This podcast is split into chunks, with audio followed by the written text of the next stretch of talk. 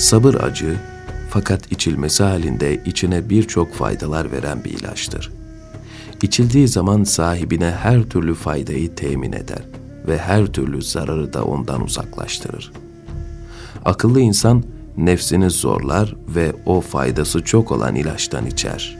Onun acısına tahammül ederek bir saat çekilen acı bir yıllık tatlılık verir der. Sabır dörde ayrılır. İbadet ve taata devam etmek hususunda gösterilen sabır, haramları işlememek hususunda gösterilen sabır, dünyadaki gereksiz ve manasız hadiselere karşı gösterilen sabır ve dünyanın belasına, musibetine, afet ve felaketlerine karşı gösterilen sabır. Bunlara gösterilecek sabır insana büyük faydalar temin eder. Bunlar Allah'a itaat, maksada ulaşmak ve istikamet üzere olmaktır.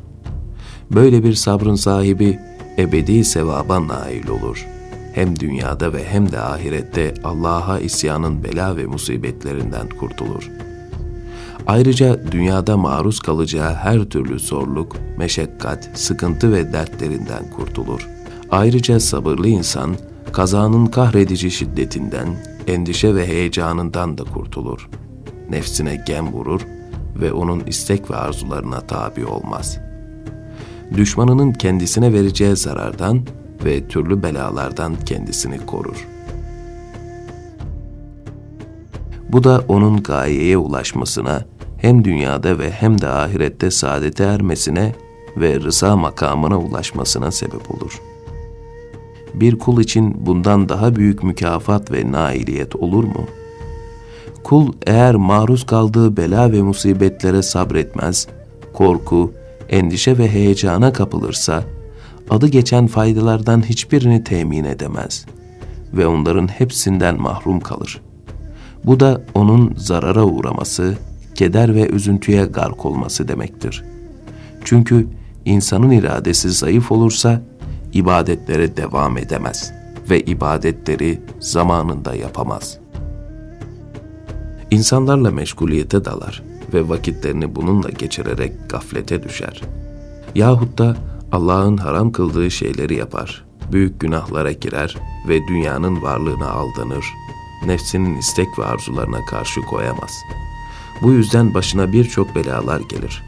Yahut da maruz kalacağı bela ve musibetlere sabredemez. Geleceğinden endişe eder, heyecana kapılır. Bu da onun sabrın faziletlerinden mahrum olmasına sebep olur. Bu telaş çoğu zaman onun musibetlerini birden ikiye çıkarır.'' mekruhları işlemek, sabrın faziletinden mahrumiyet. Denildi ki, musibet anındaki sabırsızlık, musibetten daha büyük musibettir. Kaybolan şey gitmiştir. Artık bir daha geri gelmez. O halde musibet anında sabırlı ol ki, bir kaybına ikincisi eklenmesin. Endişe ve heyecana kapılma.'' bir zata başsağlığı dileyen Hazreti Ali şöyle dedi. Eğer kaderine karşı sabırlı olursan, sevap ve mükafat kazanırsın. Yok, sabretmez de endişe ve heyecana kapılırsan, zarara uğrarsın. Çünkü her şeyi yapan ancak Allah'tır. Kaza, kader neyse, o mutlaka cereyan edecektir. Tedbir, feryat ve figan etmek afiyetten uzaklaşan gafillerin işidir. Sabır, tefviz ve tahammülse arif ve kamillerin işidir.''